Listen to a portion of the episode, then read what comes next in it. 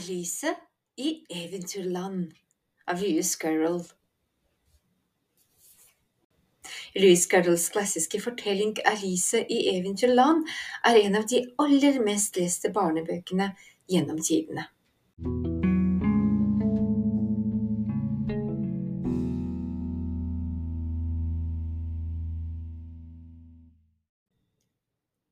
Ned i kaninhullet.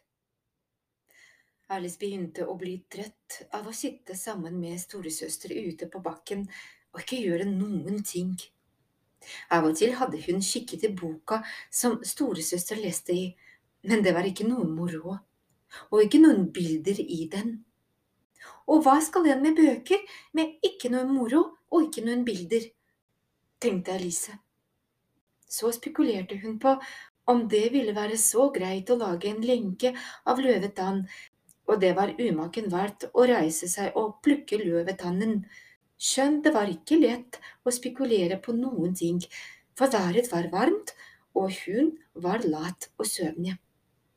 Og så kom det sannelig løpende en hvit kanin med røde øyne.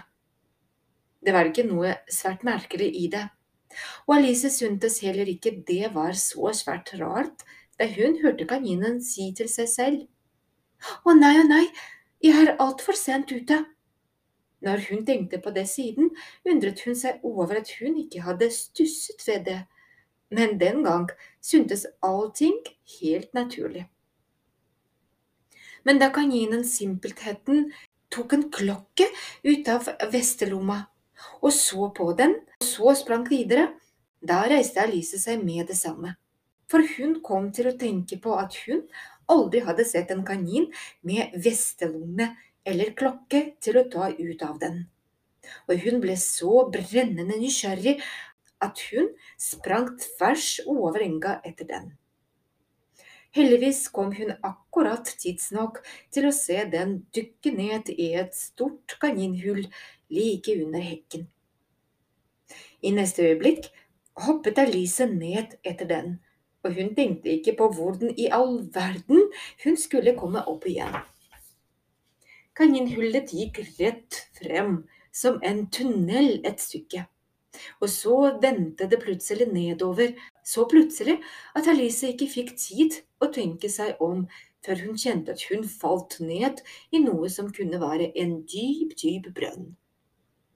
Enten var brønnen svært dyp, eller så falt hun svært langsomt for hun hadde god tid til å se seg om mens hun gled nedover og studerte på hva som ville hende. Først prøvde hun å se nedover og finne ut hvor hun skulle havne, men det var for mørkt til å se noen ting. Så gransket hun sidene av brønnen og oppdaget at de var fulle av skap og hyller. Her og der hang det kart og bilder på knagger. Hun tok ut en krukke fra en av hyllene med det samme hun får forbi. Det sto appelsinmarmelade på den, og den var dessverre tom, og det var hun lei for. Hun syntes ikke hun kunne kaste krukka, for da kunne hun drepe noen, så hun satte den på en annen hylle som hun seilte forbi. Vel, sa Alice til seg selv, når jeg har falt på denne måten, skal jeg aldri si et ord om jeg ramler ned trappene. Far og mor kommer til å synes at jeg er veldig kjekk. Nei, men om jeg tror jeg ville si et kvekk om jeg falt ned fra taket. Og det ville hun vel ikke heller. Nedover, nedover, nedover, ville det aldri ta slutt? Jeg lurer på hvor mange mil jeg har falt nå, jeg, sa hun høyt. Jeg må da være i nærheten av midtpunktet i hele jorda. La meg se, det er vel omtrent 4000 mil nedover, tror jeg. Du skjønner, Alice hadde lært mange nyttige ting på skolen, og skjønt dette ikke var noen svært god anledning til å vise hva hun dugde til. Ja, det må være omtrent riktig, ja, men jeg undres hvilken breddegrad eller lengdegrad jeg er på. Alice ante ikke hva breddegrad var, og ikke lengdegrad heller, men hun syntes det var svært fornuftige ord.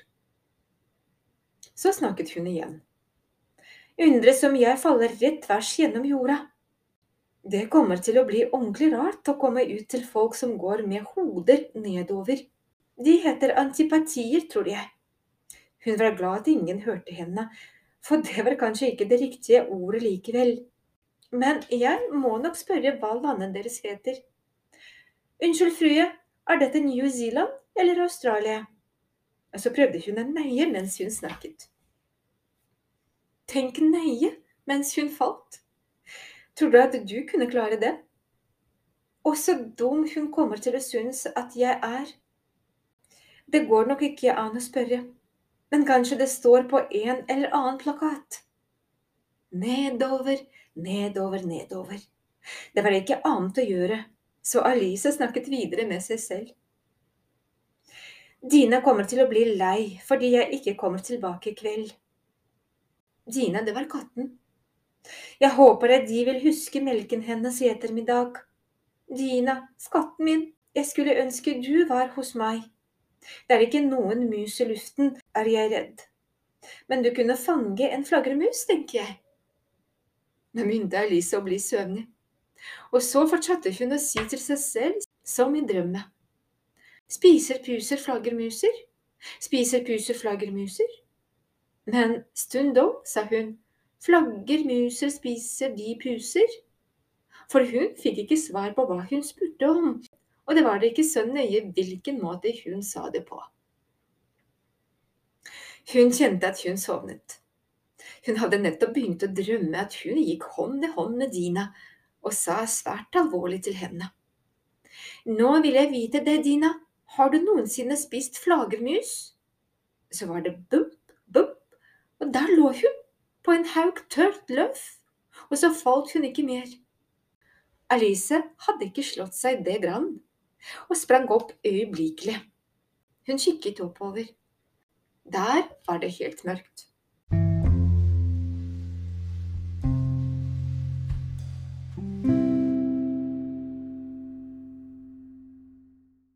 Et stykke borti den kunne hun se den hvite kaninen løpe av gårde. Det var ikke et øyeblikk å miste. Alice fløy av sted så fort som en vind, og hørte akkurat at den sa til seg selv da den sprang rundt hjørnet. Å nei, å nei, hvor seint det har alt! Hun var redd bak den da den løp rundt hjørnet, men nå så hun den ikke noen steder. Hun sto i en lang, lav stue, og lyset kom fra en rad lamper som hang under taket. Det var dører på alle veggene, men de var låst alle sammen. Og da lyset hadde gått rundt på den ene siden og rundt på den andre siden og prøvd dem alle, gikk hun midt ut på gulvet og var nokså trist, og studerte på hvordan hun skulle komme ut igjen.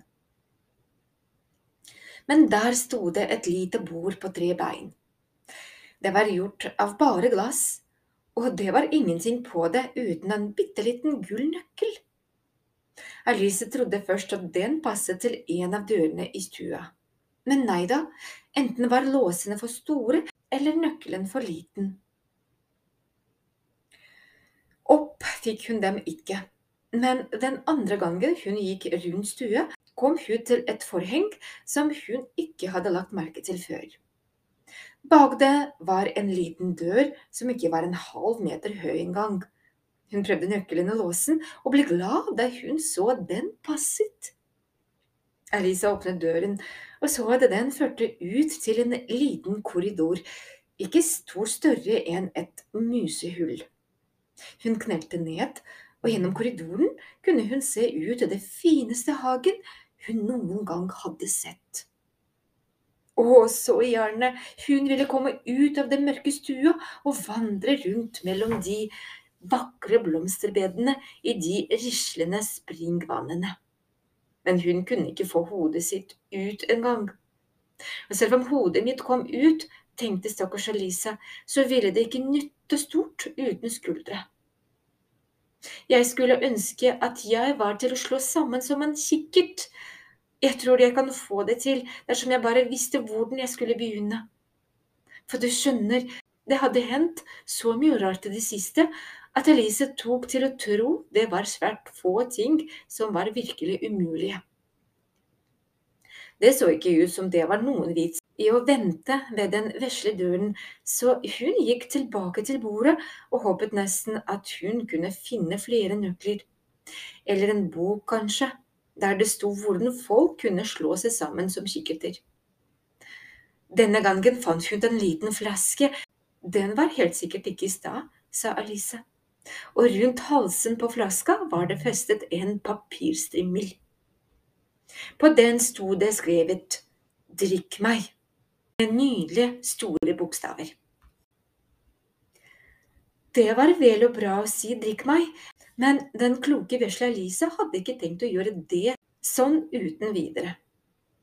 La meg først se, sa hun, kanskje står det gift på den? For hun hadde lest flere pene fortellinger om små barn som ble brent eller spist av ville dyr, og mange andre fæle ting, bare fordi de ikke ville huske all det de hadde lært av faren og moren sin. For eksempel, hvis du tar en rødglødende jernstang, så brenner du deg, og hvis du skjærer deg i fingeren med en kniv, så kommer det blod. Og hun hadde aldri glemt at folk ikke skal drikke noe av en flaske som det står gift på, for da blir det nesten helt sikkert vondt etterpå. Men denne flaska sto det ikke gift på, så Alice våget å smake på den, og da den smakte ganske bra, den smakte faktisk som en blanding av kirsebær, vaniljepudding, ananas, stekt kylling, karamell og nybakt brød, så drakk hun opp alt sammen. Så rart det er, sa Lisa. Nå slår jeg meg sammen som en kikkert. Og det gjorde hun. Nå var hun ikke mer enn 30 centimeter lang, og hun lysnet til da hun tenkte på at nå var hun passe stor til å komme inn i den fine hagen. Men først ventet hun noen minutter for å se om hun kom til å bli enda mindre. For tenk om det endte med at jeg ble blåst ut, akkurat som et lys, sa Alice. Jeg undres på hva jeg ville se ut sånn da. Og hun prøvde å tenke seg hva flammen på et lys ser ut som etter at den er blåst ut men hun kunne ikke huske å ha sett noe slikt. Da det ikke hendte noe mer, ville hun gå ut i hagen med det samme. Men stakkars Alice, da hun kom til døren, husket hun at hun hadde glemt den vesle gullnøkkelen, og da hun kom tilbake til bordet, oppdaget hun at det var umulig å nå den. Hun så den helt tydelig gjennom glasset, og hun prøvde å klatre opp et av bordbeina, men det var for glatt da hun var blitt helt trøtt av å prøve, satte hun seg ned og gråt. Det er ingen hjelp i å gråte, sa Lise til seg selv med streng stemme. Jeg vil råde deg til å holde opp med det samme. Hun pleide å gi seg selv gode råd. Skjønt det var ikke ofte at hun fulgte dem. Og stundom kjente hun så alvorlig på seg selv at hun fikk tårer i øynene. En gang hadde hun prøvd å gi seg en ørefik fordi hun hadde snytt seg selv da hun spilte krokket helt alene. For Alice var rar sånn. Hun likte å leke at hun var to forskjellige mennesker, men det nytter ikke nå, tenkte Alice. Det går ikke an å leke at jeg er to mennesker når det er så lite igjen av meg at jeg knapt er igjen. Men så falt blikket hennes på en liten glasseske som lå under bordet. Hun åpnet den og fant en bitte liten kake, og på den sto ordene Spis meg! Svært pent skrevet med tykke bokstaver. Vel, så spiser jeg den, sa Lisa, og hvis den gjør meg større, kan jeg nå nøkkelen, og hvis den gjør meg mindre, kan jeg krype under døren. Så kommer jeg inn i hagen i alle fall. Det er det samme for meg hvordan det går. Hun spiste et lite stykke og var nokså spent. Opp eller ned, sa hun til seg selv, og holdt hånden sin opp på hodet for å kjenne hvilken vei hun vokste. Hun ble forundret, for hun ble verken større eller mindre. Slik pleier det jo også å gå når vi spiser kake, men Alice hadde begynt å tro at det ikke kunne hende annet enn merkelige ting, så hun syntes det var kjedelig og dumt når alt var som før. Så tok hun en bit til, og så var kaken spist opp.